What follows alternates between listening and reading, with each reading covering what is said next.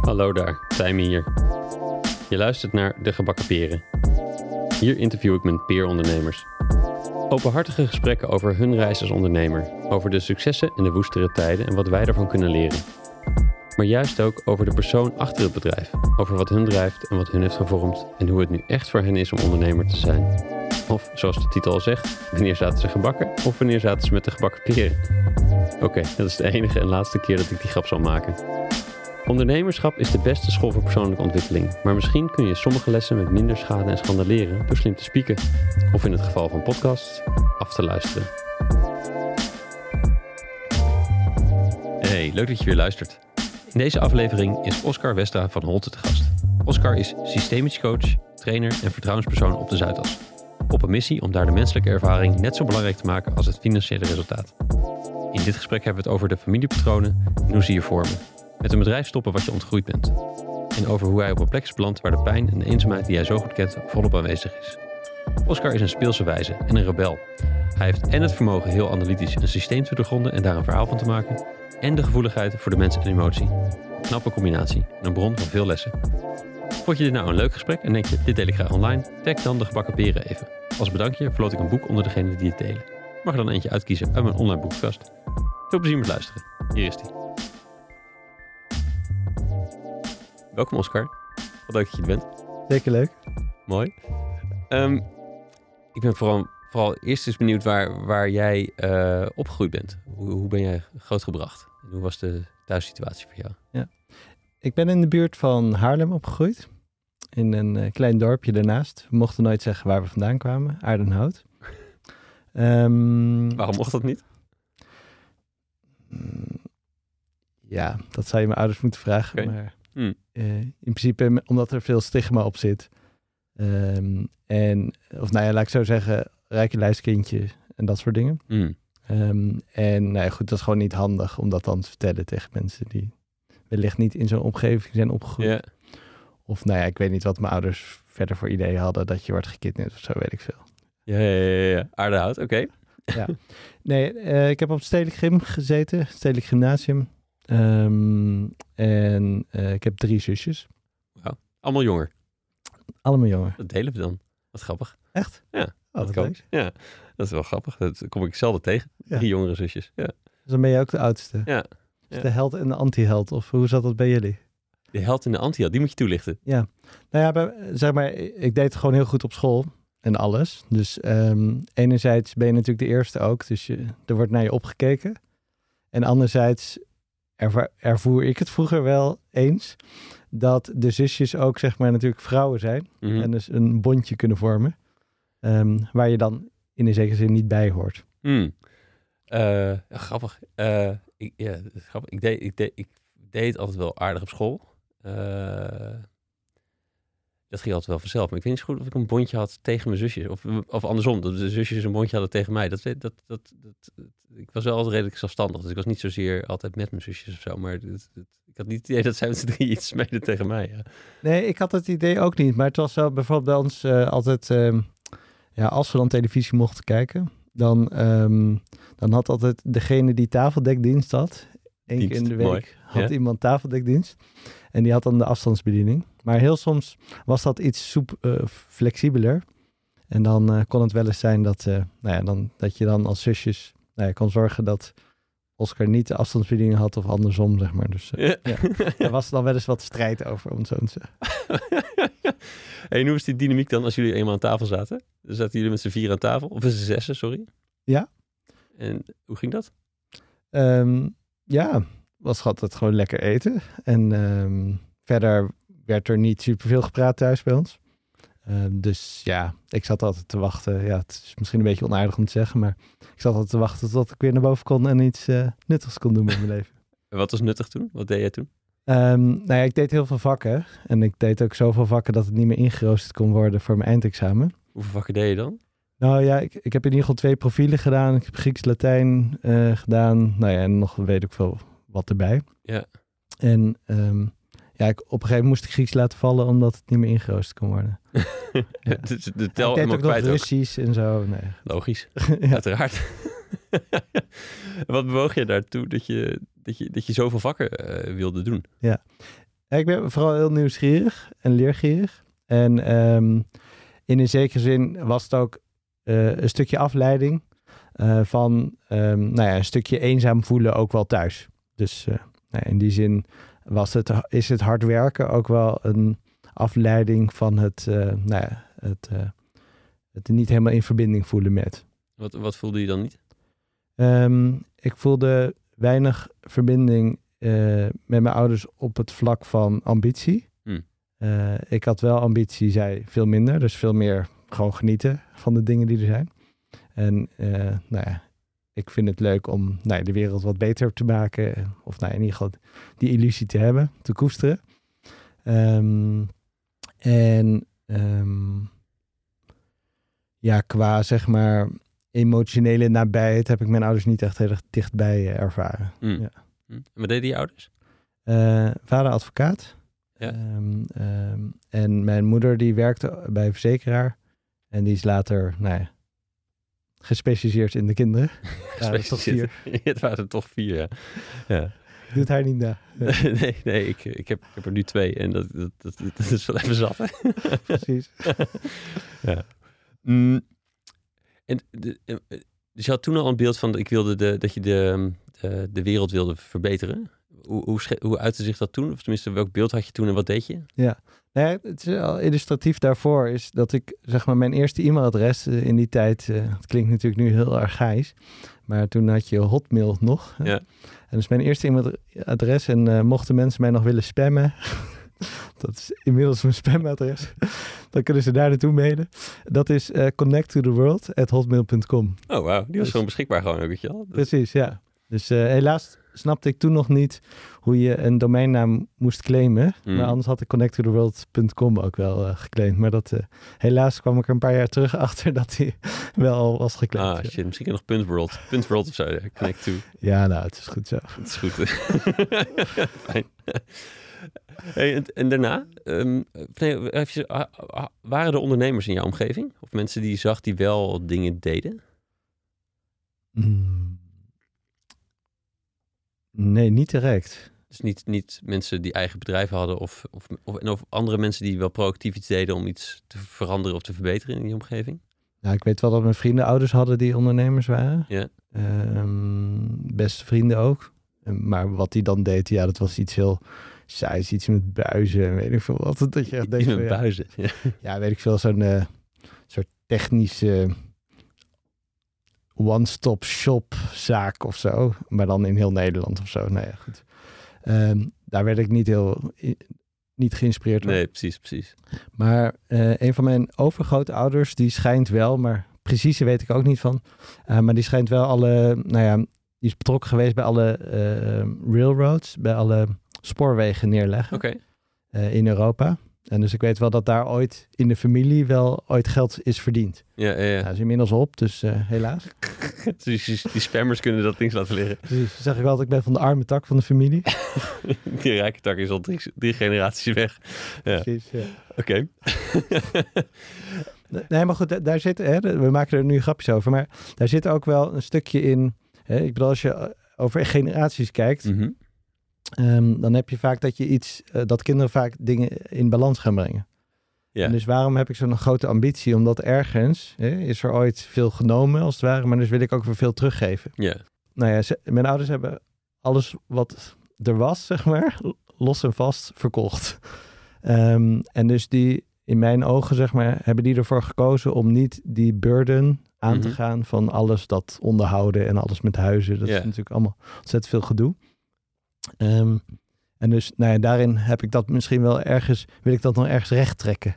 Is, ehm, mijn moeder heeft haar vader op jongere leeftijd verloren. Mm. En dus als je dan, nou ja, wat krijgt en weet ik veel wat, dan is dat best, kan dat wel als een Ja, snap ik wel. als Ja. veel ehm, voelen. Ja. En dus die hebben, denk ik, of mijn moeder heeft dat in ieder geval wel ervaren als, ja, wat moet je met een huis? Of wat moet je met huizen en weet ik veel wat? Als je 18 bent. Ja. Ik bedoel, wat heb je daaraan? Het is alleen maar zorgen. Ja. En dus, ehm, ja, dus die hebben dat als zodanig ervaren. Mm. Eh, terwijl ik ervaar het juist als van, nou ja, fijn dat het er is. En dan kan je verder bouwen. Ja, ja, precies. goed. Dus, eh, Mooi. soort vereffen, vereffen van schuld, zeg maar. Dus als ondernemer als- en je bent succesvol, eh, financieel succesvol, dan neem je natuurlijk veel van de maatschappij ook. Ja, En dus ik denk dat, de, en dat moet ergens in balans gaan. Dat gaat weer ergens in balans komen vaak. ja. Als je niet teruggeeft. Mm. Nou, en dus mijn ouders die hebben eigenlijk, in mijn ogen, eigenlijk de knip erop gedaan. En eh, niet verder op dat succes willen bouwen, maar eigenlijk, ehm, nou ja, een beetje de, de boete willen nemen. ja. Helder. Mm, Ja, het is wel grappig. want Het relateert ook heel erg aan het werk wat je nu doet natuurlijk. Daar komen we zo, zo meteen nog wel op. Ehm, wa- wat, ging je na de middelbare school doen? Ehm, ik ben naar University College gegaan in Utrecht. oké. Eh, kom uit kazerne. Ja. Dus Dat, eh, nou ja, we zijn hier ook in Utrecht, dus dat is relatief in de buurt. Ja.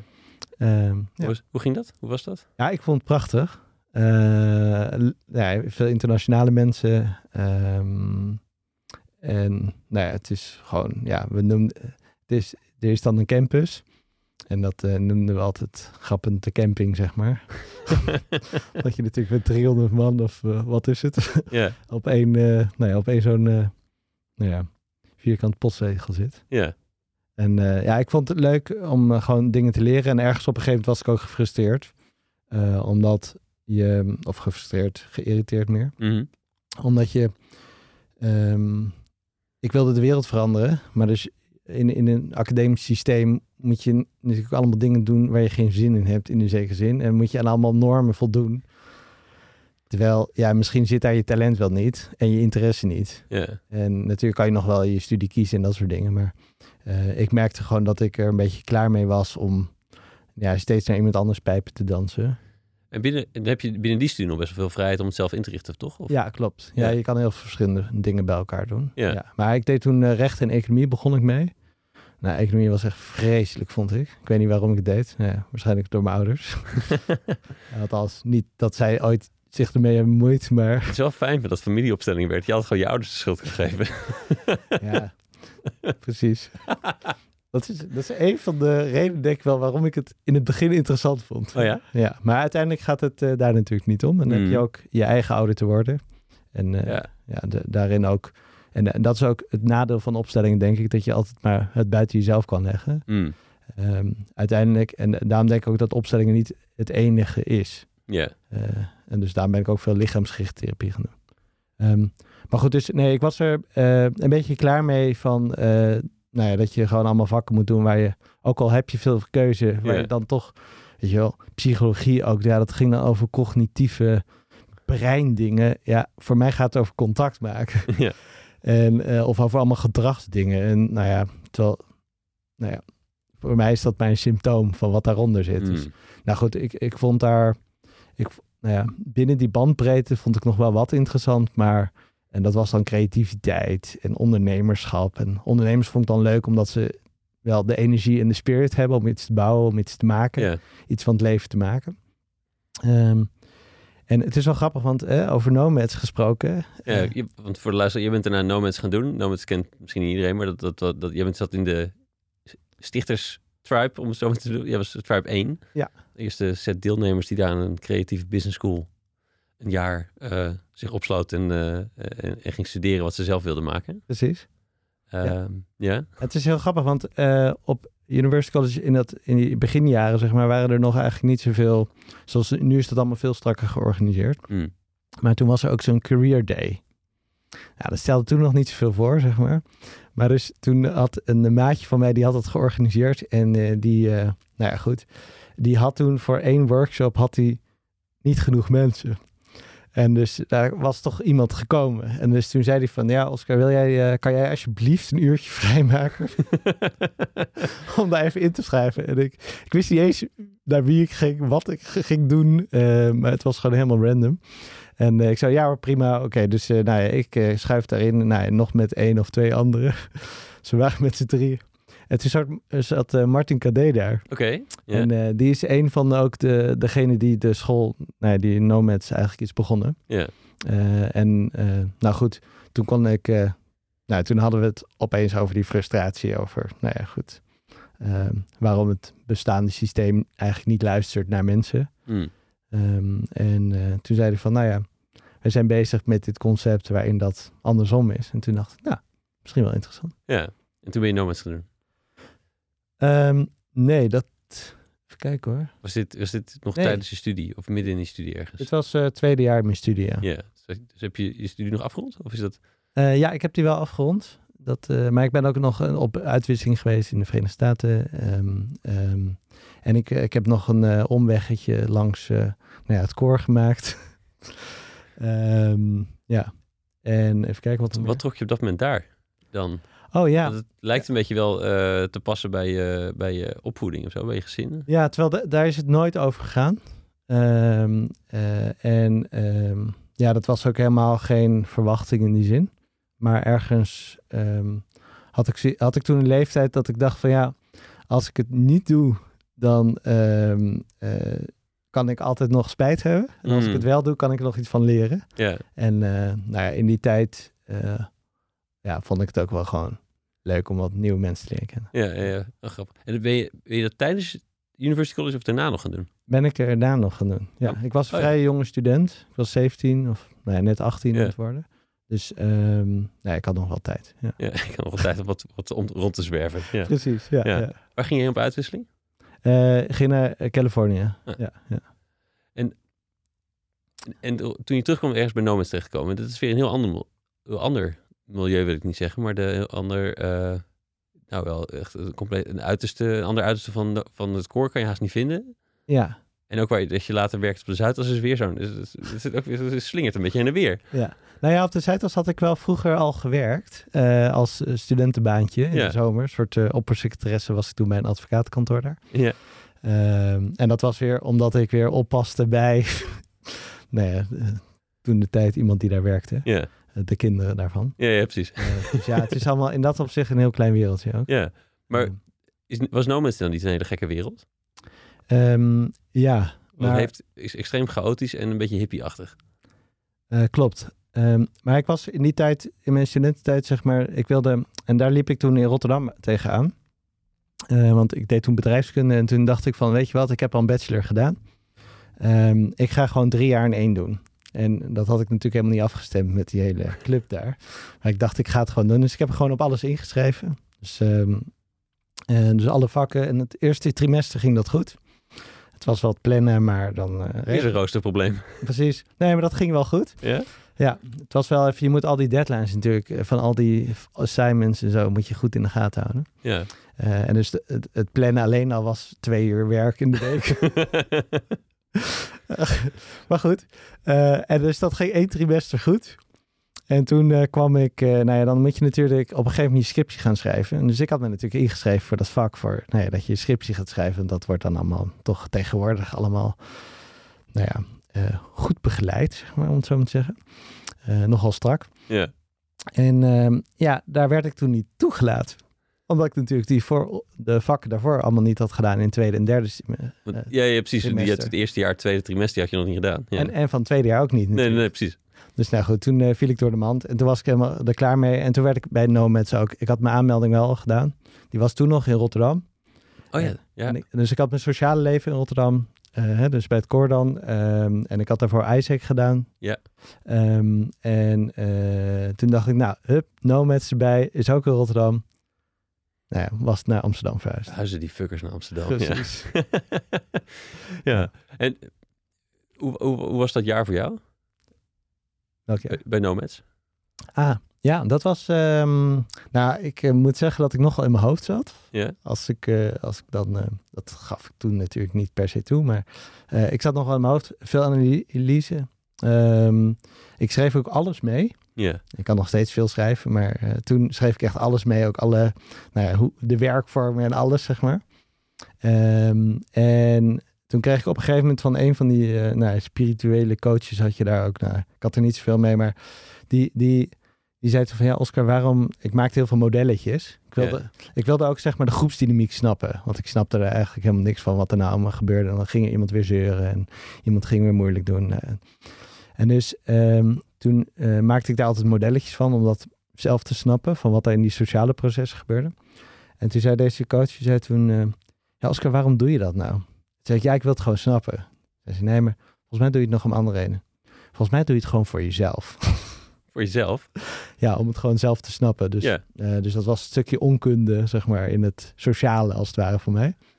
Ehm, en dus in die zin heb ik in Nomads wel een reis gemaakt van, van mijn hoofd naar mijn hart. Ja, Ehm, en van eh, waar, mijn, eh, waar ik ben opgevoed met het credo eh, eerst zien dan geloven.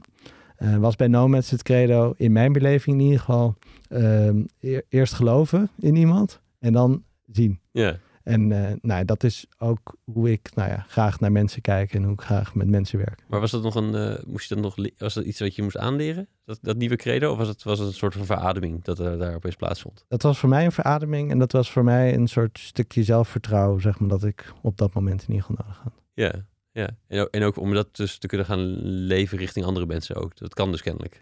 Precies, Ja, ja. ja, En eh, nou goed, ik ben toen in dat jaar ook natuurlijk Manuel tegengekomen. Ja. Het was toen de tijd ook, werden wij businesspartners. Eh ik bedoel, het stelde nog niet zoveel voor toen de tijd, maar dat is wel eh, uitgegroeid toen. En, en die, die was heel erg van het doen. Ja, Dus onze combinatie, ik kon heel ver kijken van waar we naartoe moeten en waar we naartoe kunnen. En hij kon heel goed bouwen eigenlijk. Dus, Ja. Eh, ja dat klinkt als een goede aanvulling in, Ja. in qua partnerschap. precies, en daar heb ik ook, ik heb ook van hem heel veel geleerd. Van, eh, dat je gewoon soms dingen gewoon moet doen. Ja. En dan eh, zie je wel waar je eindigt. Is dat, is dat, dat is makkelijk? Is dat makkelijker geworden nu dan, dan vroeger? Want toen deed, toen deed je niet zoveel. En nou, ik, ik vond het, ik haalde vooral inspiratie uit praten en praten over en het fantaseren, ja. eh, dan eh, per se het doen. Ehm, en dat heb ik van hem wel geleerd, hoe je, dat, hoe je dingen moet doen. Ook hele simpele dingen zoals gewoon, weet je wel, je eerste website maken en dat soort dingen. Ik bedoel, het zijn gewoon even dingetjes die je even moet weten. ja. Eh, maar dan is het ook zo geregeld. Ja. Ja. En dan gebeurt er tenminste wat ook. En dan eh, gaat er wat in beweging komen. Ja. Maar het is best wel een groot verschil tussen, tussen een enorme doener en een enorme denker, zeg maar. Ja. Is, is, dat, dat, dat is dus in sommige gevallen heel chill. En als je er ook goed over kan praten ook. Maar dat, kan, ook- dat gaat ook niet altijd goed, kan ik me voorstellen. Ehm, Je hebt ook andere voorkeuren, andere behoeftes. ehm, ja, je moet elkaar wel blijven vinden. Ja, hoe deden jullie dat? Hoe zorgden jullie daarvoor? Ehm goeie vraag. Ja, kijk, natuurlijk bij Nomad, zeg maar, werd je natuurlijk getraind in de check-ins en weet ik veel wat. Ja. Hoe voel je je vandaag? Dus jullie een bedrijf starten, is er automatisch ook een check-in. Precies, dus dat soort dingen waren er sowieso. En ehm, nou ja, daarin, daarin, daarin moet je ook gewoon delen wat belangrijk voor je is. En ehm, nou ja, elkaar ook daarin waarderen. Dus eh, waar ik dan misschien in het begin wat meer filosofeerde, eh, ging hij het gewoon doen. Ja, en nou ja, als je dan ook ziet dat vanuit dat doen, dat daar ook weer andere dingen uit ontstaan. ja, En vanuit het een visie hebben ook wel handig is om te weten welke richting je opgaat. Ja. nou ja, dan, eh, dan kan je wel, elkaar wel vinden, ja. Dus we, hebben daar, we hebben op dat vlak nooit echt problemen gehad. Nee. En dat, dat roept natuurlijk uit welke, de vraag op welk vlak dan wel. Maar Nou goed, kijk, natuurlijk als je, als je veel samenwerkt, hè, en Mm. dat, dat heb je natuurlijk in elke relatie, ook in liefdesrelaties, ehm, is dat je in de valkuil kan stappen dat je elkaar wil gaan veranderen. ja, hoe bedoel je dat? Nou ja, in dat zeg maar, hè, dat, dat, dat de ander dan, die moet meer zijn zoals jij. En eh, die is eigenlijk niet goed genoeg zoals hij is. Ja, want dat is beter voor jou. Precies, dat is chiller voor jou, zeg Ja. maar. Dus dan word je niet meer uitgedaagd. En dus, nou goed, in dat eh, patroon konden we nog wel eens eh, stappen, zeg maar. Je hebt elk, zeg maar, je eigen comfortzone. Hmm. En ehm, het, is, het is wel een... Zeg maar, hij had wel gelijk in dat hij gewoon... Hij moest gewoon zorgen dat ik gewoon af en toe ook dingen ging doen. Dus het aan ging durven. Dus gewoon... En dan maar gewoon niet perfect. ja, Dan maar gewoon maar kijken waar je komt. ja. En dan vanuit die ervaring, zeg maar, praten. En dus in die zin heb ik van hem wel geleerd dat vanuit ervaring praten is zoveel krachtiger. En die ideeën vanuit daar, zeg maar, vormgeven. ja. Ehm, nou goed, maar dat is ook wel een hele weg om daar even te komen. Ja. Nee, dat is wel mooi wat je zegt. Dus wat ik eerst, eerder al een beetje suggereerde, is dat dat, dat, dat het soms wrijft, die, die twee verschillen. Dat Ja. Zo herken ik het ook wel eens met, met samenwerking namelijk. En Ja. de, ehm, eh, dat het... Dat je, dat de een, dat dus of de een vindt, is perfectionistisch en denkt, waarom waar is hij weer, waar is hij heen gevlogen opeens met z'n als een doenkracht? Precies. En, en of de doener denkt, kunnen we een keertje iets gaan doen? Want de hele tijd te praten erover. Dat, ja, dus, Kom je ook nergens, ja. Nee, ja, precies. Ja, jullie zijn best. Ik vond, ik vond je, tenminste, ik ken, ik, ik heb de neiging om over modderpies te gaan praten, omdat ik je ja, natuurlijk ken uit de Ja. periode. Ehm, dus jullie deden, ik vond dat jullie erg mooie dingen deden, maar deden veel graphic facilitation. Tenminste, in, de, in, in het begin was het, was het volgens mij vooral dat, maar dat, dat evolueerde ook naar, ehm, naar heel veel ander werk. Want eh, to- toen jij workshops kwam doen bij de universiteit, wat ik toen organiseerde, Ja. toen, stonden we opeens eh, met spiegels in onze handen tegen, tegen onszelf te praten. En dan ging het over radical honesty en zo. Ja. Dus het is het, hoe, is, hoe is dat, hoe is dat nou, Ja. die weg daar tussen die twee gegaan? Ja, nou goed, in, in, in het begin, ehm, eh, ik, ik vind het altijd leuk om nieuwe dingen te leren. Dus, ehm, en in het begin, en ik, ik wilde gewoon die sociale dynamieken snappen, dus ik ging gewoon tekenen. En ehm, Manuel die vond het geweldig, eh, gewoon businessmodellen en weet ik veel wat. En die vond begeleiding heel interessant. En ik wist altijd wat ik eruit wilde hebben uit de sessie. En hij wist heel goed in werkvorm. En dat vond hij ook leuk. Dus daar gingen we op een gegeven moment steeds meer dingen begeleiden ook. En niet alleen grafisch oogsten als het ware. Mhm. Ehm, en eh, even kijken. Ehm, toen, nou ja, in, de, in dat, op een gegeven moment eh, was Manuel, zeg omdat ik veel weg was toen dat tekenen overal aan het doen was, eh, had hij toen een samenwerking gemaakt met iemand die ook trainingen gaf in het visuele. Eh, dus hoe je dat eigenlijk kan gebruiken om helderder dingen voor jezelf helder te maken, te communiceren. Nou goed, al die dingen. Ja. En ehm, toen is hij daar, eigenlijk heeft hij een training ontwikkeld. Nou, daar verdienen we drie keer zoveel geld mee. Eh, niet dat het om geld ging, maar dat was ook leuk. En we konden dan ook gewoon samenwerken, wat ook veel gezelliger was. Ja. Ehm, dus toen zijn we eigenlijk eh, trainingen gaan ontwikkelen. Eh, en dat sloeg eigenlijk heel erg aan bij veel bedrijven. Ehm, en toen, ehm, en ik merkte gewoon dat ik, zeg maar, ik merkte dat in heel veel van die vergaderingen waar ik dan zat, en dat waren ook wel grote vergaderingen van, nou ja, bij, de Euro- bij de Europese Unie ook en dergelijke. En dus merkte ik steeds dat mensen eh, eh, steeds over dezelfde dingen hadden, maar er niks aan deden. Dus een beetje de frustratie van de doener als het ware over mezelf. Ja. Eh, maar dan over die andere mensen. En ehm, toen merkte ik dat ik zeg maar dat visuele heel mooi, het kan een hele spiegel zijn van hoe je de, de teamdynamiek ervaart bijvoorbeeld, kan je ook in een metafoor tekenen. Nou, als je dat iedereen laat doen, dan is dat best wel een spiegel van wat voor turfoorlogen er dan ook mogen zijn. Ja. En dat kan je dan niet meer ontkennen. En dus ik vond het interessant op het moment dat, dat we op die laag kwamen. eh, waar veel bedrijven toch wel een beetje bang voor waren. Ehm, en ik merkte gewoon dat, dat ik daar een stuk diepgang in wilde brengen. Ja. En nou ja, toen zijn we eigenlijk, eh, hadden we een sessie met een coach, eh, Floris trouwens, Hm. Floris Coat. Ja. En eh, die was ook bij Nomens betrokken. Ja. Ja. En eh, Manuel de Doener, die had dat geregeld. en, daar, en daar kwam, kwamen toen, zeg maar, nou, dan moesten we allerlei oefeningen doen waar ik niet zoveel meer had, maar oké. Eh, maar daar kwamen we wel op de term radicale eerlijkheid, radical Mm. honesty. En dat was wel een term waar ik toen, als het ware, waar Manuel toen heel veel trainingen aan het doen was. En daar was ik dan ook bij, maar ik miste dan een beetje die diepgang. En ik raak dan een beetje uitgekeken. Ik, ben, ik vind het niet zo interessant hoe je een pen vasthoudt en zo. Ehm, Terwijl je dat toch de hele tijd deed, hè? Dat, dat erbij tekenen deed je toen. Dus zei je, dat deed je ervoor eigenlijk ook al. Dus Precies. Maar dat is meer voor mezelf om dingen helder te maken. Ja. Dus dat heeft eigenlijk. En, en dus in het begin, dat vond ik wel leuk aan het begin. En, dus, en dat was ook wel in die tijd, was ik gewoon. Ik wilde gewoon gezien worden. Mm. En dus, hè, zoals een kind een tekening maakt. Kijk wat ik gemaakt heb, ja. Precies, zo deed ik dat ook. Dus, en, en dus, maar dat was extra pijnlijk, omdat zeg maar, eh, als je dan zo'n plaat hebt gemaakt na zo'n vergadering, dan kwamen allemaal mensen naar mij toe van, oh wat geweldig dat je dit kan. Maar dus, dat is, toen, toen realiseerde ik me ook de pijn van een kunstenaar. Mm. Die wordt helemaal niet meer gezien voor, die wordt dan gezien voor dat wat hij kan doen, hè, dat tekenen. Maar die wordt niet gezien in de pijn waar dat vanuit, vandaan komt. En Mm. dat is in mijn geval dan de pijn van, oh, ik word niet begrepen en ik begrijp niet wat hier nou gebeurt en wat hier onbesproken is. Ja, ja, precies. En het wordt wel bejubeld op de, de penstreken. Precies, exact. En dus, en dus dat, dat zorgde waar, van, waar ik dacht dat dat meer verbinding zou zorgen, eh, zorgde dat in mijzelf juist tot meer afstand, tot die mensen. En het was eigenlijk de ongeleefde creativiteit van die mensen Ja, die ze op jou projecteerden. Dus nog meer afstand. ja, ja, ja, ja, precies. En, het, en, en waarbij het jou ging waarschijnlijk om het, om het inzicht dat je het in kaart gebracht hebt. Dat je nu snapt waar we het over moeten hebben als club. Ja, het contact. Ja. ja En die club heeft iets te doen en die doet weer weer niks. Want die gaan het dan hebben over het mooie plaatje. precies. Ja. Ja. Ja. En dus het contact is dan weer weg, zeg maar. Mhm. Dus, ehm, nou goed, dus ik ging toen, eh, dus er was wat ruimte om, nou ja, wat, wat nieuws te ontwikkelen. En toen ben ik eigenlijk allemaal mensen over radicale eerlijkheid gaan interviewen. Dus ook op alle reizen die ik toen deed. Ehm, en ehm,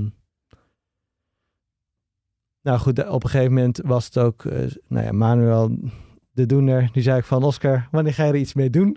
Ja. In plaats van andere mensen vragen. Ja, ja. Uh, en dus uh, toen heeft hij gezegd van, nou ja, ga maar gewoon een workshop ontwikkelen en ga dat maar gewoon doen. En uh, nou ja, zodoende nou ja, ben ik die workshop gaan doen, onder andere toen bij de universiteit. Ja, ja.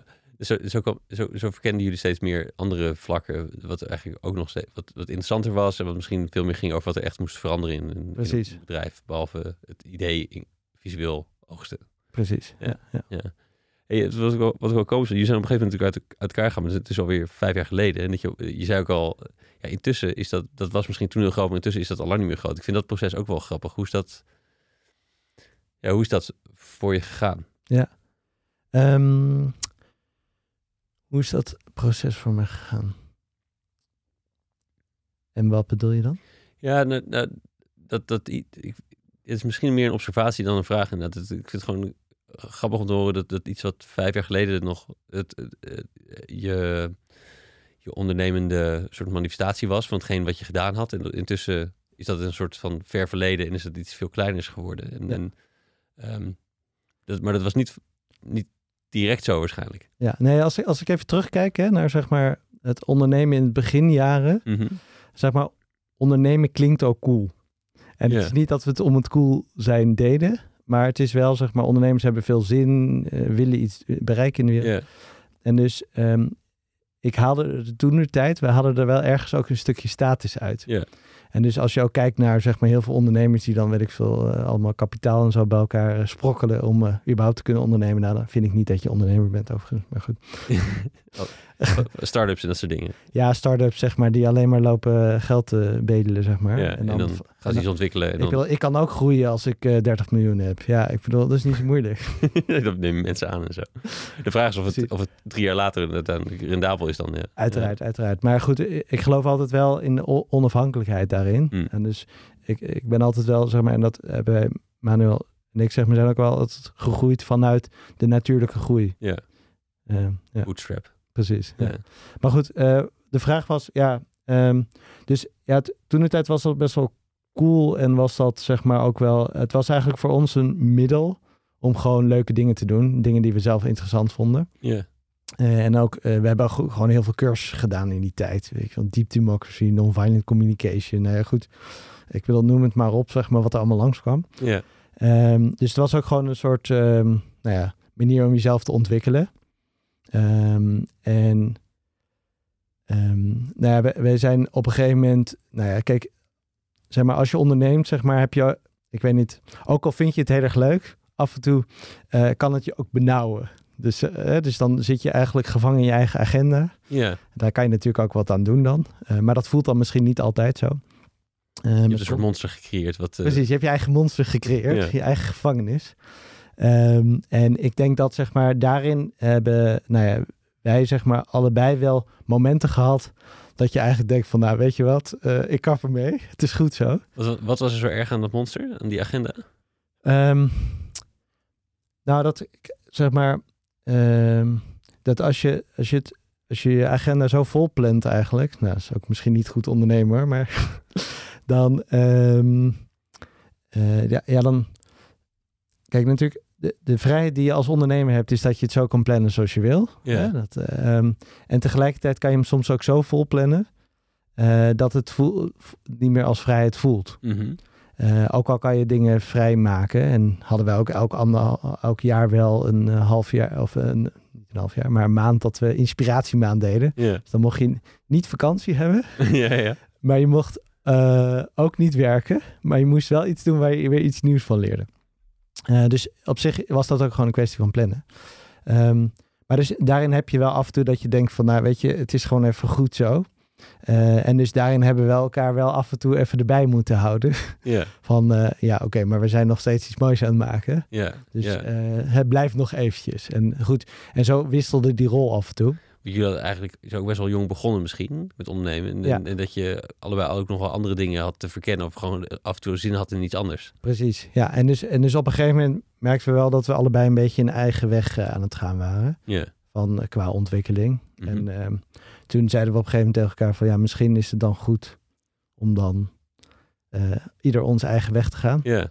Ehm, ook al hadden we alle brandboeken, alles lag, lag helemaal klaar om, op te, sch- om nog meer op te schalen. ja, je zat echt op zo'n zo'n vooravond om... eh, Precies, ja. ja. Oh, wauw. Ja, dus, ehm, maar goed, ehm, in een zekere zin was het ook oké. En maar ja, hadden we, nou ja, ik denk dat we, ik, maar Manuel was er iets eerder in dan ik, zeg maar. Eh, in dat hij zei van, nou ja, ik wil iets anders doen. Hm. En eh, ik had wel zoiets van, nou ja, goed, dan ga jij twee, drie dagen werken of vier dagen werken en dan vogelen we dat wel uit. Ehm, en ik had, ik had in die tijd geen zin om eh, dat, ja, trainingsbureau zou je bijna kunnen zeggen. In visuele communicatie had ik geen zin om in mijn eentje te draaien. Ja, Ehm, want daar ging het voor jou misschien ook niet meer om. nee, want het ging mij om die laag eronder. Ja. Dus, dus eh, voor mij ging het daar ook niet meer om. Dus het voelde wel als een natuurlijke manier om eh, te stoppen. Jullie hadden dus een soort... Jullie hadden een bewezen concept... Wat, wat goed kon rollen, met waar klanten op stonden te wachten. Precies. Allebei geen zin meer. In de zekere zin, ja, zin om iets anders te doen. Ja. ja, ja. En ehm, nou goed, toen zijn we gewoon op een gegeven moment hebben de knoop doorgehakt. En we hadden gelukkig geen grote contracten in het buitenland getekend toen met banken. Oh ja. Eh, dus we hoefden niet eh, te leveren toen. Eh, dus nou, de ruimte was er ook. Ja. Ehm, en toen, ehm, toen zijn we de laatste, nou ja, toen hebben we een brief geschreven aan alle partners en alle, alle mensen met wie we werkten. Eh, van eh, jongens, eh, we hebben besloten dat we ermee gaan stoppen. We hadden het misschien nog kunnen verkopen achteraf, maar ik had geen zin in dat gezeur. dat ik dacht van jongens, als het dan klaar is, dan is het ook klaar. Ja. Nou goed, dan duurt het nog, zeg maar. Nou, dan duurt het nog een week voordat de website down is, weet je wel. Of, al- Om al die files te backuppen, zeg maar. Duurde gewoon nog een week. Die computers hebben een week lang lopen draaien. voordat, voordat dat allemaal offline was.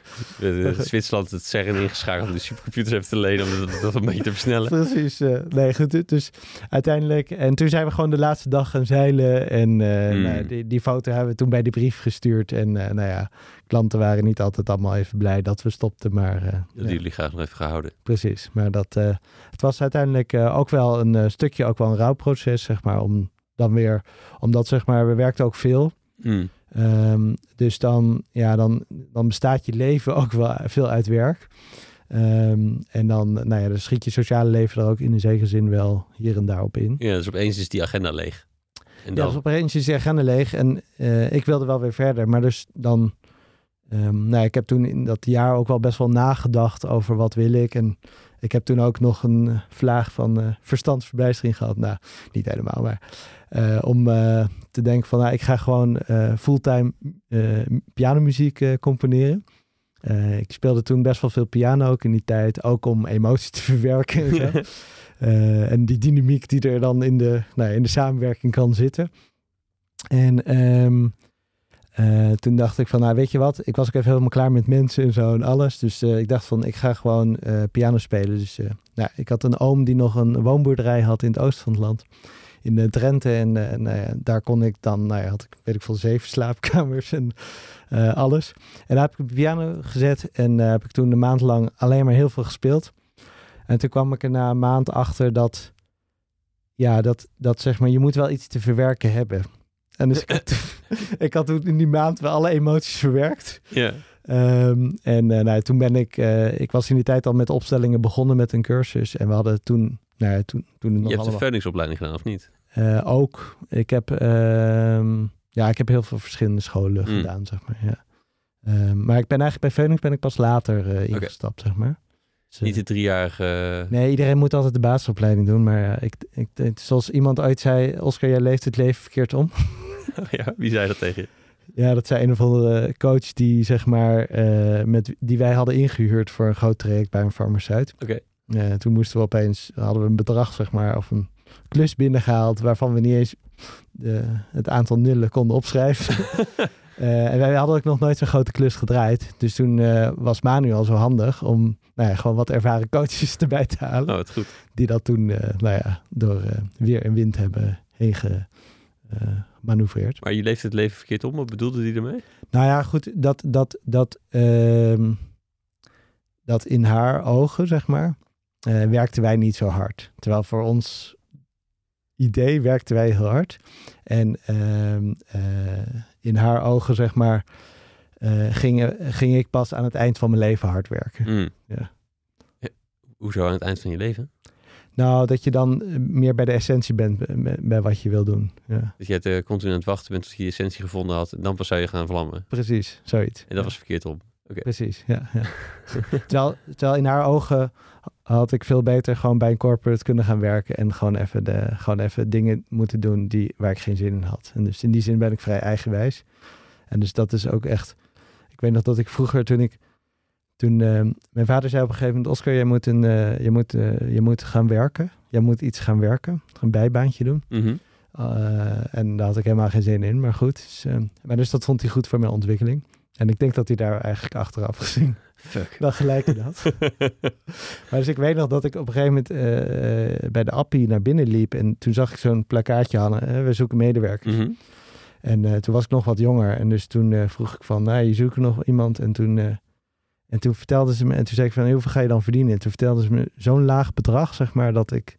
Ik keek hem aan en ik zei van, nou, sorry, voor dat bedrag ga ik niet werken. Um, ja, goed. Later ben ik toen wel moeten gaan werken door, door mijn vader dan, geïnspireerd. In bejaarden thuis gewerkt. En daar heb ik wel veel respect gehad voor het werk dat veel mensen doen. En Hmm. in die zin ook de luxe positie waarin ik eh, nou ja, ben opgevoed en opgegroeid. En in die zin is ook het ondernemen is ook in die zin ook echt een luxe, Dat Ja. het kon. Of dat je luxe dat, eh, bezigheid. Ja. Nou, en, of- ik heb het idee dat jullie in ieder geval ook vrij...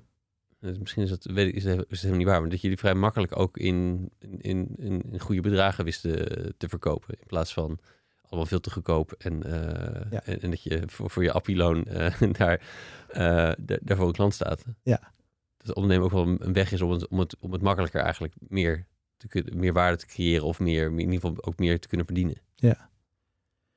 Ja, ehm, ik heb nooit problemen gehad om geld te vragen. Hmm. Ehm, en tegelijkertijd eh, doe ik ook veel werk, zeg maar, dat niet betaald is. Ja. Dus eh, zeg maar, dus dat balanceert zichzelf ook wel uit. Ja, want het is een beetje de balans waar je eerder over sprak. Dus als je geld, als je veel verdient, dan ontneem je ook. Tenminste, zo verwoordde jij Ja, het. precies. Het, het, ehm, maar, dat, maar daar heb je dus geen probleem mee. Maar dat balanceer je ook op die manier zo over.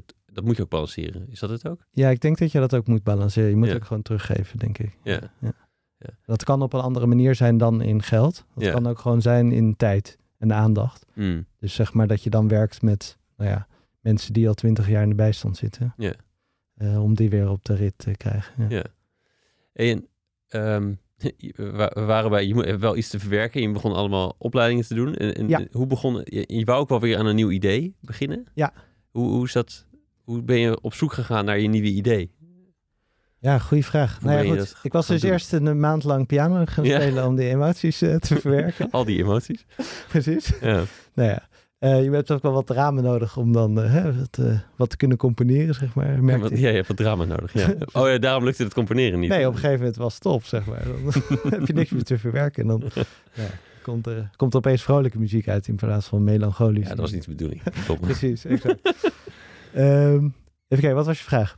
Nou, hoe je, hoe je naar je nieuwe idee toe bewogen bent. Want, Oh ja. eh, Ja, ja ik ben eh, heel hard gaan werken.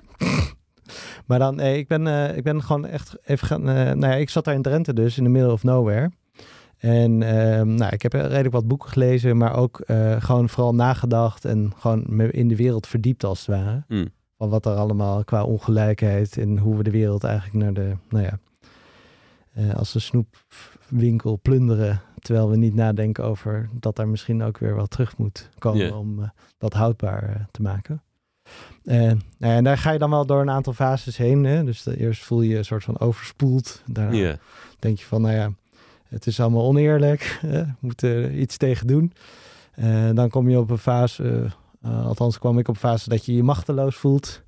En hulpeloos in de zekere zin. En dan moet je op een gegeven moment ook zeggen, nou ja, weet je, misschien moet ik maar één stapje nemen. Dus, en dus dat zeg ik ook heel vaak tegen mensen die allemaal ergens willen zijn waar ze nog niet zijn. Dat zeg ik, heb ik dus tegen mezelf moeten zeggen, van, Hmm. stap voor stap. Ja. En dus eh, nou ja, in die tijd deed ik veel. eh, ja, cursussen eigenlijk, trainingen. Dus deed ik gewoon zes dagen in de week, was ik opstellingen aan het doen. Eh, en, en als het niet een cursus was, was het wel een intervisiegroep, want die heb je dan ook genoeg. Ja. Ehm, en toen op een gegeven moment dacht ik van, nou, dit is eigenlijk wel interessant. Ik wil je eigenlijk wel, misschien, misschien moet ik dit eens, eens overwegen om daar wat meer mee te gaan doen. Ook misschien wel professioneel. Maar ik was er helemaal niet mee bezig om daar überhaupt iets mee te doen. Want eerst zat je daar als cursist in. Je was niet Ja. toen al die groepen aan het begeleiden, zeg maar. Nee, nee, toen eh, zeg maar, nee, Ja. ik had wel een cursus al gedaan, maar ja, goed, dan kan je nog steeds niet, eh, kan je nog steeds niks, zeg maar. Eh, dan heb je een beetje idee, maar dan ben je nog steeds dat je denkt, ik weet niet wat er gebeurt. Ja, Ehm, en dus eh, ik ben veel gaan meelopen met verschillende mensen. eh, zo ik me een beetje in die opstellingen tegenwoordig, ja. Ja, precies. eh, ik heb geen idee wat hier gebeurt, maar er gebeurt wel iets, ja. Precies, precies, ja. En dus dat is en dus, dus ik ben veel gaan meelopen met verschillende mensen, veel trainingen gaan doen. En dan op een gegeven moment krijg je wel een beetje de hang of it. En dan denk Ja. je, op een gegeven moment zit je dan naast zo'n trainer en dan denk je van, nou, wat jij kan. Dat kan ik ook, ja. Ja, goed, misschien niet op die manier, maar eh, zeg maar, eh, dan voel je op een gegeven moment van, oh ja, ik, ik zie wel wat er gebeurt. En dan heb je het verhaal wel honderd keer gehoord van die trainer ook. Dus dan denk je van, nou, Is het, is dat, misschien is dat, een verkeerd, is dat een verkeerd beeld, maar dat, dat familieopstelling ook best wel een scripted begeleiding heeft. Dat je bijvoorbeeld of op zekere hoogte een bepaald script hebt voor die dingen. een script. Ja, nee, nee dat, je kan me zo verbazen, nou, dat moet niet waar zijn. Maar dat, ik heb, dat, zo leek het wel eens. En, of, nou ja, ik heb er misschien kennelijk een verkeerd beeld bij. Dat je een soort En wat volgorde... is het dan? Ik zou het niet aan mijn hoofd weten, maar de, dat, je, dat je een bepaalde volgorde van het stellen van vragen en het, en het spreken tot andere familieleden in die opstelling hebt. Ah, oké. Ja, goed. Ik, ik zeg altijd, je hebt zoveel eh, stijlen, familieopstellingen of opstellingen überhaupt, systemisch werken. Dus het valt breder ook organisaties. En in teams kan je het gebruiken. Ehm, eh, als dat er begeleiders zijn. Ja. Dus eh, ik denk dat als je een goede begeleider bent, dan heb je je eigen stijl ontwikkeld. Hm, Eentje die bij jou past. En dus, ja. nou ja, goed, de een gebruikt daar weer meer zinnetjes in en de ander juist weer helemaal niet. Ja, ja, precies. Het hangt ook weer erg af van het thema waar je mee werkt. Dus als je met meer preverbale dingen werkt, dan zijn er niet zoveel woorden ook. Dus. Preverbaal bedoel je voordat je over, over thema's die speelde, voor, of dingen die speelden voordat je woorden ontwikkelde. Eh, ja, voor, ja, precies. Ja, ja, dus in de kleutertijd of jongere tijd. Of zeg maar nog eh, daarvoor in de buik al. Zeg maar. Mm. Ja, maar goed, eh, daar zouden we het niet over hebben, over werk. Daar zou het niet over werken. nou, op een gegeven, dus ik ben, ik ben benieuwd hoe, hoe, hoe die, ehm, die, die samensmelting tussen dit, dit type werk en ook de Zuidas ook weer Ja. kwam. Hoe is dat, hoe is dat Ja. bedacht? Nou ja, dat is wel, dat is, ehm, eh, ik zou zeggen, ik was eh, dus die trainingen gaan doen en, op, eh, en toen op een gegeven moment had ik zoiets van, eh, en ik zat daar in Drenthe, maar een beetje in mijn eentje, een beetje te, nou ja, door de bossen te wandelen en weet ik wat, na te denken over het leven van, waar, ga, waar draait het nou echt om? En ook het, en ik, ik voelde toen ook voor het eerst eigenlijk weer van, oh ja, ik hou eigenlijk wel heel veel van mensen. Dus dat was ik even vergeten. Omdat je natuurlijk, als je bedrijven hebt, zeg maar, dan ben je voortdurend met mensen de hele dag door. Ja, En ehm, ik hou heel erg van mensen, maar dat kan ook soms. Je hebt ook me-time nodig. ja, ja. Ehm, en dus. eh, Zelfs de extravert moet wel eens even alleen zijn. Precies, Ja. exact. En dus, eh, nou, ik merkte gewoon dat verlangen dat ik weer naar mensen verlangde eigenlijk. Een contact. Ehm, wat was je vraag ook weer? hoe je, nou, ja, hoe je, hoe je bedacht dat je, je was een analyse aan doen hoe je, waarom Oh ja. je in godsnaam bij de Zuidas terecht moest komen. Precies, ja. Nou ja, en dus ehm, waar ik vroeger had ik dus, eh, en dus ik wa- woonde toen weer in Amsterdam. En toen eh, op een gegeven moment eh, kreeg ik een mail van, nou ja, eh, van de club van eh, Ruben van Zwieten. Eh, de Nieuwe Poort heet dat. Eh, Ja. dat. Hij is eh, ooit als de dominee van de Zuidas eh, bekroond door de media Oké, gebombardeerd. En eh, van dat er een eh, ruimte vrij kwam, zeg maar, bij hem op kantoor. oké. En eh, ik ontving toen inmiddels mensen bij mij thuis. En dus ik ben, in dat opzicht ben ik ook een beetje, ja, eh, ik ben heel klein begonnen ook met dit, zeg maar. Dus ik ben echt eh, werkelijk met de overbuurvrouw begonnen. Want die vertelde toen, eh, die had toen, nou ja, die zat toen met van alles. En toen zei ik van, oh ja, ja, ik heb allemaal cursus gedaan. En ja, met Playmobil, ik wil dat gewoon een keer gaan doen Ja, kan ik dat met jou oefenen? En toen hebben we afspraak gemaakt met een weekje. En toen eh, zei ze van. En toen, eh, nou ja, aan het eind van die sessie hadden we dat een beetje neergezet. Zo met wat haar, nou ja, wat ze allemaal meemaakte. En toen eh, gaf ze mij aan het eind 50 euro. Toen zei ik, ja, maar dat hadden we niet afgesproken. nee. Nou, bleef ze aandringen. En toen zei ik, nou, oké, weet je wat? Ehm, ik ga hier een nieuw Playmobil van kopen. Dus nou goed, dus zodoende zeg maar, ben ik met 50 euro begonnen naar de bedragen die ik nu Ik vind het ook een heerlijke redenering om het dan wel te kunnen accepteren. Weet je, ik koop er een nieuwe Playmobil van. Dat dat, dat, dat werkt. Dat vind ik heel mooi. Ja, het is gewoon weer herinvesteren eigenlijk, Ja. zeg maar, in, in dat wat je al doet. Nou goed, en dus zo, zo ehm, nou ja, ben ik eigenlijk dat een beetje gaan opbouwen. En ook gewoon van, nou ja, eh, van die weekenden die ik dan deed naar, nou ja, gewoon zo. Ehm, maar goed, toen kreeg ik, eh, ik, ik was een beetje klaar met mensen bij mij thuis ontvangen. Eh, en ik had eigenlijk wel weer zin om een kantoor te hebben. Ook gewoon dat je even een ruimte hebt waar je werkt. En een ruimte waar je aan het chillen bent. En niet dat je altijd aan het werk bent. Al die mensen nemen ook allemaal een hele, systeem mee naar je huis. Precies, ja. Moet je dan toch ook weer een beetje uitwapperen. Nee. Nee, goed, ik ben niet zo heel zweverig wat dat betreft. Ehm, maar goed, dus eh, toen eh, kreeg ik dat mailtje en toen dacht ik van, nou ja, weet je wat? Eh, en ik, ik had ook in die tijd wel wat mensen van de Zuidas die mij op een of andere manier wisten te vinden. En toen dacht ik van, nou ja, weet je, dan gaat, als de berg de Zuidas niet naar Mozes toe komt, of af en toe wel komt, waarom ga ik niet gewoon daar naartoe? En in die zin is het, hè, als ik even ook terugkijk naar zeg maar, hoe ik vroeger mijn jeugd ervaren heb. En dat is niet dat het zo per se was, maar zoals Mhm. het bij mij als kind, ja. zoals ik dat ervaarde, is dus vrij eh, eenzaam.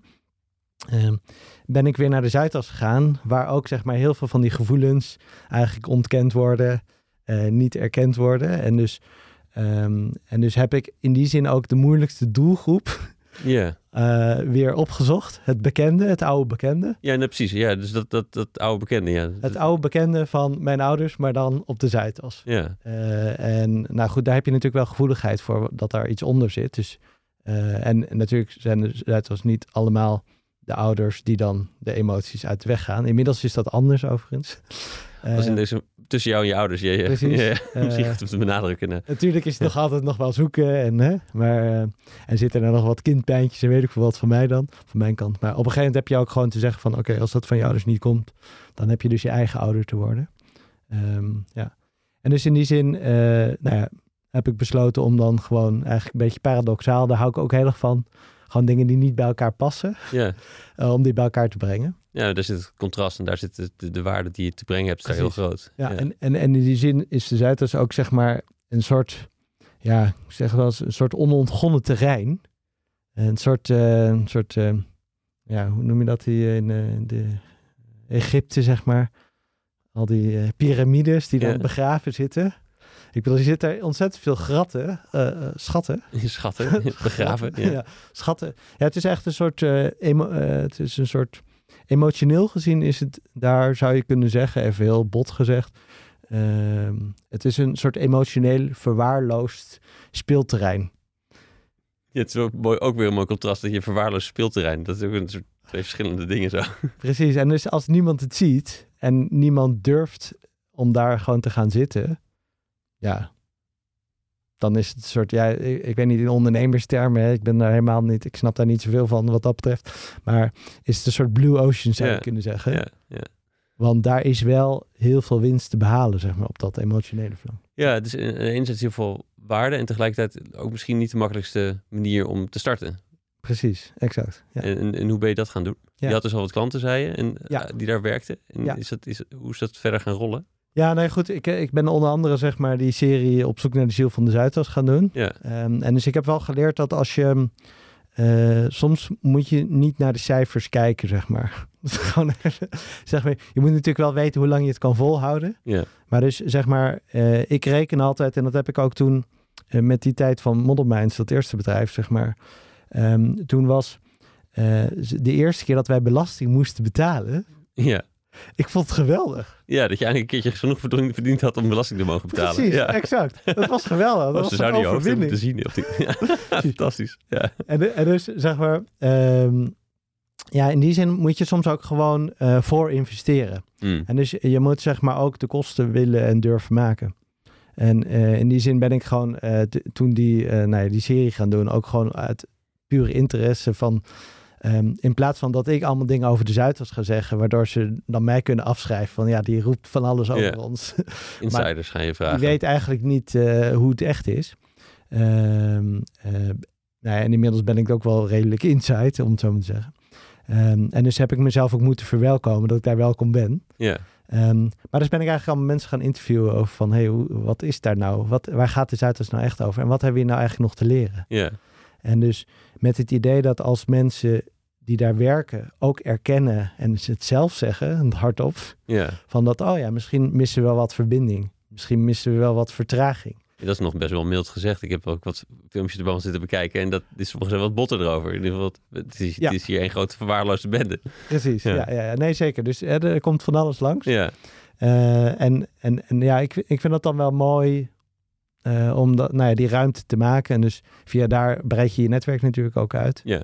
Ehm, en nou ja, zo kom je dan weer allerlei mensen tegen die dan zeggen van... hé, hey, kan je niet eens even meekijken? Wat, je, wat ik zag dat je ook slim deed, dan ga ik Ja. het toch over trucjes hebben, is Oh, dat je, dat je ja. de mensen een briefje liet schrijven aan degene die het vervolgens in de, in Ja. de aflevering moest. Dat, Ja, dat is goed, hè? Goeie truc. Ja, ik, hou- ik hou heel erg van concepten dus. Dus zeg maar... ehm, en dat, dat, dat, dat is... Ja, dat... Het, ehm, ik, ben, ik hou gewoon van concepten. En het concept moet kloppen. En als het concept klopt en eh, de nieuwsgierigheid is oprecht... dan eh, gaat altijd wel wat stromen. Mm. Ja. en wat zie je nou wat, wat, wat, wat mensen daar echt te doen hebben? Ja. Dus het, misschien dat ik toch, toch ook jou ga vragen, naar wat is die ziel die daar, wat heeft hij te, te leren en te, en te geven? Ja. Ja, ik, ik denk dat er eigenlijk, er zijn eigenlijk een soort van, als ik even naar de mensen kijk daar, hè, en de, de, ik, ik werk dan veel met teams en met nou ja, mensen die gewoon zich wel met het systeem meedoen, maar ondertussen ook voelen van, ja, maar wacht even, ik voel Mhm. me ook niet hier helemaal thuis. Dus misschien is er een andere weg, hè, zoals ik vroeger ook altijd naar op zoek ben geweest van, het kan niet zo zijn dat er een soort emotionele leegte in deze wereld is. Ehm, zo zijn er ook mensen op de Zuidas die daar ook van overtuigd zijn dat het ook op een andere manier kan. Ehm, en dus wat was je vraag? Nou, wat, wat, wat, je, wat, jij, wat jij constateert dat daar de, Oh ja. de patronen zijn, of, de, of systemisch, wat, het- wat, wat de ziel dan eigenlijk is. Ja, dus nou ja, wat ik merk is dat, dat, dat, we, eh, dat, dat we in de, in de race en in het resultaat halen, dat we eigenlijk onszelf vergeten. Dus en vergeten wie we zelf zijn en wie we, waar we vandaan komen en onze gevoeligheden. En dus we nemen onszelf altijd mee naar het werk. Mm. En dus eh, vaak wordt dat niet als professioneel gezien. Hè? Als je emotioneel wordt of eh, boos wordt of chagrijnig. Hè, dan eh, moet je gewoon met constructieve oplossingen komen. Ehm, maar dus ehm, vaak zitten we ook op een plek waar we, ehm, eh, die weer een herhaling van vroeger is. Zoals ik op de Zuidas zit, een soort emotionele leegte. Zo zitten al die mensen ook weer in een plek waarin ze weer niet worden gezien. En dus dat zoek je onbewust als het ware weer op. Dus ik zie dat heel veel mensen dat doen, ook daar. Oh, wauw. Ja. Ehm, en eh, als, je dat, als je daar niet bewust van bent, dan kom je weer in de dynamiek terecht met een van je ouders. Zoals ik in de dynamiek met mijn ouders terechtkom. Ik word me niet gezien, als ja. Of dat gevoel dan misschien. Mm. Ehm, en eh, zo komen zij dan weer terecht in van ja, mijn baas luistert maar niet naar mij. En nou ja, dan kan je gefrustreerd raken. Dus dat is de ene. Daar, daar is veel niet bewustzijn op als het ware. Ja. En het andere is dat, dat zeg maar het systeem zelf, dus het, het, het, het relationele weefsel van de organisatie, heeft ook bepaalde zwarte gaten. Dus als iemand bijvoorbeeld ziek is of wegvalt, dan zie je dat er een soort gat valt, een soort zwart gat. En daar worden dan mensen ingezogen en die gaan dan dat werk doen, terwijl het helemaal niet aan hun is. Dan worden ze vervolgens op afgerekend, terwijl dat helemaal niet kan. Nou goed, dus- Ja. dus, ehm, en dus eh, we zijn ons vaak ook niet bewust van de rollen die we dan eigenlijk eh, innemen. En dat die eigenlijk helemaal niet persoonlijk zijn. Dus we nemen, ons, we nemen soms dingen te persoonlijk die niet persoonlijk zijn. Dat zijn gewoon spanningen die gewoon in de organisatie zitten. Maar die nemen we dan als persoonlijk. Ja. Terwijl die zijn dat helemaal niet. Dus, dus daar zit vaak veel nou ja, onbewustheid in. En veel, ja, veel kindbewegingen, om het zo maar te zeggen. Ja. En je zei net, wat, wat, wat grappig, ik vind twee dingen ook wel boeiend. Is dat je en zelf die weer zo'n plek opzoekt. Terwijl je, Ja. het misschien wel eenvoudiger is om gewoon een plek op te zoeken waar je wel, ehm, zonder dat je zelf volwassen misschien hoeft te worden, wel zelf eh, ook jezelf senang kan voelen en emotioneel dat alles oké loopt. Precies. Ehm, en je zei dat je jezelf toch ook zelf moest verwelkomen in die plek. Ja. Ehm, Ja, niemand, niemand gaat je verwelkomen te Zuidas. Zo, dus misschien is het ook... Dus Ja. zeg maar, ehm, eh, en, en, en eh, het is ook me- mensen met wie ik heb gesproken die daar dan al twintig jaar werken, zeg maar, die zeggen ook van ja, ik voel me hier nog steeds niet altijd even welkom. zit je al twintig jaar, ja. Precies. En, Ja. en dus natuurlijk, ik bedoel, mensen voelen zich wel fijn in een team of in een organisatie. Dus ze zijn wel daaraan gebonden. Maar echt op de Zuidas zelf, zeg maar, ja, Ja, toch niet. Ja. iedereen, ja, ja, Dus- precies. Dus als niemand zegt van je bent welkom, dan moet je het gewoon zelf doen. Ja. Hoe doe je dat? Ehm, door op een gegeven moment je te realiseren dat je er al een aantal jaar zit. Ja. En dat je denkt van ja, waarom doe ik eigenlijk alsof ik hier niet gewoon mag zitten? ja, dat is heel rationeel of zo. Maar dat, maar dat maakt dan niet dat je je opeens welkom voelt misschien. Ehm, nou ja, kijk, welkom voelen, zeg maar, als je, als je welkom geheten moet worden, is het eigenlijk dat je het buiten jezelf legt. Ja, Dus dat je eigenlijk vanuit de kindplek zegt van papa, mama, zorg dat ik welkom ben. Zeg Ja. mij dat ik welkom ben. Dus je wil bevestigd worden. En dus op een gegeven moment, ja, dan, als, als dat dan op die manier niet gebeurt, dan moet je dat ja, tegen jezelf zeggen. ja precies. Het is Ja. toch echt weer aan jezelf. Ja, dan, dan heb je eigenlijk je volwassen stuk te nemen. Ja, dus wat je, je noemde dat al een paar keer, maar dat is het dus eigenlijk. Dus dezelfde rol innemen die je anders bij de ander legt. Precies. Ja. Ja. Ja. En, en hoe is het dat je, dat je toch ook weer in, in, in die, die erbarmelijke omstandigheden, dat is een beetje flauw, maar Ja. Dat je die, juist die, die, die oude pijn opzoekt. Hoe Ja. waarom, hoe is dat? Ja, dat is, eh, dat is natuurlijk eh, ergens ook een onbewust proces geweest. Mm. Hè? Ehm, en ergens heb ik, ben ik wel, nou ja, ben ik daar wel achter gekomen inmiddels.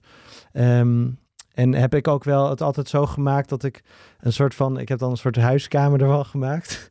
Dus een totaal andere setting als je binnenkomt bij mij. Ja, ik zeg je, ik heb natuurlijk die tegenlichtaflevering zitten kijken. Ja. En, en, en het is bijna on- niet te onderscheiden. Is dit nou jouw kantoor of is dit, is het bij je thuis waar je zit? Precies, ja. Ja. Nou, maar dat is dus op kantoor. Ja, Althans, het is een soort, ik zeg, al, ik zeg wel eens, het is een soort baarmoeder. die ik voor mezelf heb gecreëerd daar. Waar, waar, en wat, wat, wat niet alleen zeg maar voor mezelf is, maar ook natuurlijk als je je hebben en hele hebben en houden op tafel legt, met alle problemen thuis ook, dan ja, doe je dat niet in een steriele omgeving nee. Eh, maar goed, dus in die zin heb ik het ook wel in die zin afgekaderd, zeg maar, van waar ik dan ben, zeg maar, voor mezelf. Ja. Hoe bedoel je afgekaderd? Dat je... Nou, dat ik het, dat ik ga niet het hele leed en alles, alle mensen die niet op de Zuidas gehoord worden, Ja, eh, alle stagiairs, alle, alle mensen die afgebeuld worden en of zichzelf afbeulen, zeg maar, door zichzelf in het systeem te plaatsen van Ja. de resultaten aan. Ehm, eh, door daar niet eh, de verantwoordelijkheid van op mij te nemen. Dus het ook wel leuk voor mezelf te houden. ja, ja precies. Dus je, dus je bent daar ook... Je neemt, het, het, het is ook... Nee, het is niet helemaal hetzelfde. Ik dacht, het is grappig, dan laat je ook de emotionele kant weer thuis. Net was wat je zegt, dat, eh, dat werknemers soms doen. Die mogen dan niet emotioneel zijn op werk, want dat is niet professioneel. Maar dit is, dit, dit is niet helemaal hetzelfde. Nee, Dit is- ik, ik, ik houd de emoties die ik zelf ervaar, zeg maar, en die ik verwelkom, zeg maar, binnen mijn contextje, ja, die kan ik aan. ja, Maar ik ga niet alles dragen, zeg maar. Ja, nee, dus dat is ook, dat is, ja, precies, die rol heb je ook niet. Nee. Dan, dan ben jij hun volwassene weer aan het spelen. Precies. Ja. Ja. Ehm, ik zit even te zoeken waar we, wat we nog te bespreken hebben. Is het, ik ben wel benieuwd waar, waar je hoopt dat dit, dat dit heen groeit. Ja. Nou, ja. Nou ja, kijk, mijn ambitie is uiteindelijk, zeg maar, is de, eh, de menselijke ervaring van mensen net zo, eh, eh, dat die net zo belangrijk is als financiële resultaten, waar nu naar wordt gekeken. Dus Ja. eh, bedrijven worden afgerekend gewoon op hun shares en eh, stijgingen daarin en groei. Ja, Ehm, en, eh, terwijl, en, en dat gaat vaak ten koste van veel nou ja, werknemers, die zeg maar eigenlijk als een soort kinderen zeg maar, steeds harder gaan werken en harder gaan rennen. En steeds meer niet worden gezien en maar blijven rennen. In de hoop, in de ijdele hoop dat ze maar een keer worden gezien. En als ze geluk hebben, hebben ze een baas die dat waardeert. ja, Maar die waardeert dat niet alleen maar eh, altijd voor de persoon zelf, maar meer ook gewoon voor de resultaten die worden exact. gehaald. Dus dat is niet altijd even oprecht in die zin. Mm, Dus het is heel voorwaardelijke. Het is een hele voorwaardelijke relatie. ja, Ehm, en dus waar ik naar op zoek ben is van hoe kunnen we dat mens zijn? Dus dat je echt met alles wat je bent weer op kantoor komen. En hoe kunnen we dat, die ervaring serieus nemen? En van daaruit een bedrijf gaan sturen. Zodat je echt ja, eigenlijk met de mensen meewerkt. In plaats van de mensen eigenlijk tegenwerkt tegen zichzelf in de oude overlevingsstanden van hard werken. Die zitten. Ja. Het is een compleet ander dogma. Waar je vanuit je start te redeneren. Ja. De, de Friedmaniaans, eh, we gaan de shareholders, de enige rol, taak is de shareholder prijs omhoog, is, eh, nee, is het resultaat van je shareholders eh, halen. Ja. Versus, nee, we zijn met mensen, we hebben iets te doen samen. Ja, dus, dus het is ook heel interessant. En als je dan gaat ontdekken, zeg maar, waarom ben je samen? dan ontdek je dus ook, oh wacht even, we hebben ons allemaal heel eenzaam gevoeld. En dus misschien is daar dan ook wel een stuk, en dan, en dan kan het werk dat je doet, kan dan ook een soort helend, Ja. helende reis zijn met elkaar. Ja, want je hebt, je hebt als het goed is heel veel lotgenoten daar. Precies. Dus je hebt dus, stiekem dus- wel heel veel verbindingen, verbindingen daar. Ze. precies. Maar dus zeg maar, het is nu verbinding op onveiligheid. Ja, ja. En dus de zoektocht naar veiligheid. Dus dat is wat je daar hoopt te doen. En wat hoop jij dat jij, jouw rol daarin, hoe, dat, hoe zich dat gaat evalueren? Ja. In Eh, beeld bij wat jouw praktijk gaat zijn over een paar jaar. Nou, wat, wat mij geweldig lijkt, is als, als er, ehm, als we, eh, als er, nou ja, om thema's die nu niet besproken worden en waar weinig aandacht aan is, hoe je jezelf in je vel zit, eh, nou ja, bepaalde gedragingen die niet altijd even eh, mensvriendelijk zijn, om daar op een diep niveau mee te kunnen werken. En dus zeg maar dat je als het ware eh, de bedrijf waar ik nu mee werk, dat je die eigenlijk aan, op, thema, op thema's aan elkaar koppelt. Dus dat je met elkaar echt gaat onderzoeken wat betekent het nou echt om, nou ja, overspannen te zijn. En wat, wat, wat kan je daar nou eigenlijk in doen? Ehm, wat, wat, eh, wat betekent, wat, wat- hoe zit dat organisatietrauma bij ons in de organisatie? Wat is het trauma dat ons bindt? Eh, waarop hebben wij met elkaar pijn? Waarop zoeken wij elkaar? En dus dat je daar als het ware een soort helende beweging in kan maken. Ja, Ik zeg wel eens, ik, ik werk eigenlijk aan de sociale kant van duurzaamheid. Ja. Dus, dus waar duurzaamheid, technische oplossingen, nou ja, daar moet ook wat gebeuren en daar zijn ook genoeg oplossingen. eh, Daar zijn ook al heel wat oplossingen voor. Maar ik werk eigenlijk met die menselijke kanten. ja, want die mensen heb je nodig om uiteindelijk die andere oplossingen te kunnen Precies. Ja, Je hebt ook nog een andere sociale component van duurzaamheid. Dan gaat het over het, het, eh, eh, gelijkheid of inclusie en dat soort dingen. precies. Ja. Maar dit, dit is eigenlijk de, ja, de sociale component die, die benodigd is om überhaupt tot andere, een andere vorm te kunnen komen. Die, Ja, dus als je, als je op het moment dat je beter naar eh, jezelf en naar je collega's luistert, doe je dat natuurlijk ook thuis. En doe je dat natuurlijk ook naar activisten. ja. Die vaak ook wel ergens een punt hebben. ja. En Soms zijn ze wel eens gelijk over die, over die planeet en zo. Ook, ook vaak vanuit een kindstuk gewoon maar rebelleren tegen alles wat er bestaat. Maar hè, eh, als, als, en, en dat is Hmm. ook natuurlijk de uitdaging van activisten om juist met constructieve ideeën te komen. Ja. Hoe dan wel? Ja, hoe, is het, hoe is die uitdaging voor jou in hoe je, hoe je zoiets neerzet en wat, je dan, wat jouw rol moet zijn, hoe, ook hoe je het moet doen? Of hoe je dat moet doen binnen zo'n context als de Zuidas? Hoe bedoel je? Nou, ik, omdat het zo'n, het is deels een, een hele lijkende omgeving op wat je gewend bent, maar deels ook een hele andere omgeving qua wat ze nog te, ont- te Ja. ontwikkelen, wat er te ontwikkelen valt. En niet alles wordt even welkom geaccepteerd, schetst hij ook. Ja. En hoe, welke, hoe, in de manier hoe je dit aanpakt of verkoopt of, aan, of, of gestalte geeft, hoe, Ja. wat heb je daar te, te doen? Nou, kijk, de- kijk, op de Zuidas komen eigenlijk twee werelden bij mij ook samen, zeg maar. Dat is enerzijds, zeg maar, heel erg die, het, het, het establishment zijn. Dus zeg maar, de Zuidas houdt ook een bepaalde structuur, is het systeem, zou je kunnen zeggen. Of in ieder geval een deel van het systeem. Ja, Ehm, en met gevestigde belangen, om het zo maar te zeggen. En ehm, eh, ik heb zeg maar in onder andere die reis via Nomads en via al die opstellingen, is eigenlijk, ga je even in een heel ander land kijken. Waar het om verbinding gaat, waar Ja. het om contact maken gaat, waar het om zeg maar alles verwelkomen dat er is en dan daardoor heen werken gaat. Eh, dat is eigenlijk alles wat daar niet is. En dus, ehm, eh, en, en dus in die zin, je moet altijd weer terugkomen waar je vandaan komt. ja. Eh, maar dan wel vanuit een ander bewustzijn. Ja, is de hero's journey. hè. Die komt dan weer terug in- Precies, ja. thuis en is, is ver- maar is zelf veranderd. Precies. En dus, en dus in die zin zie ik ook mijn rol als van, oh ja, ik ken het heel goed. Ik weet precies waar jullie zitten in de analyses en het over alles nadenken en het resultaat halen. Natuurlijk in combinatie met mijn businesspartner toen de tijd voor. Ja. Maar dus ik, ik ken die druk ook, zeg maar.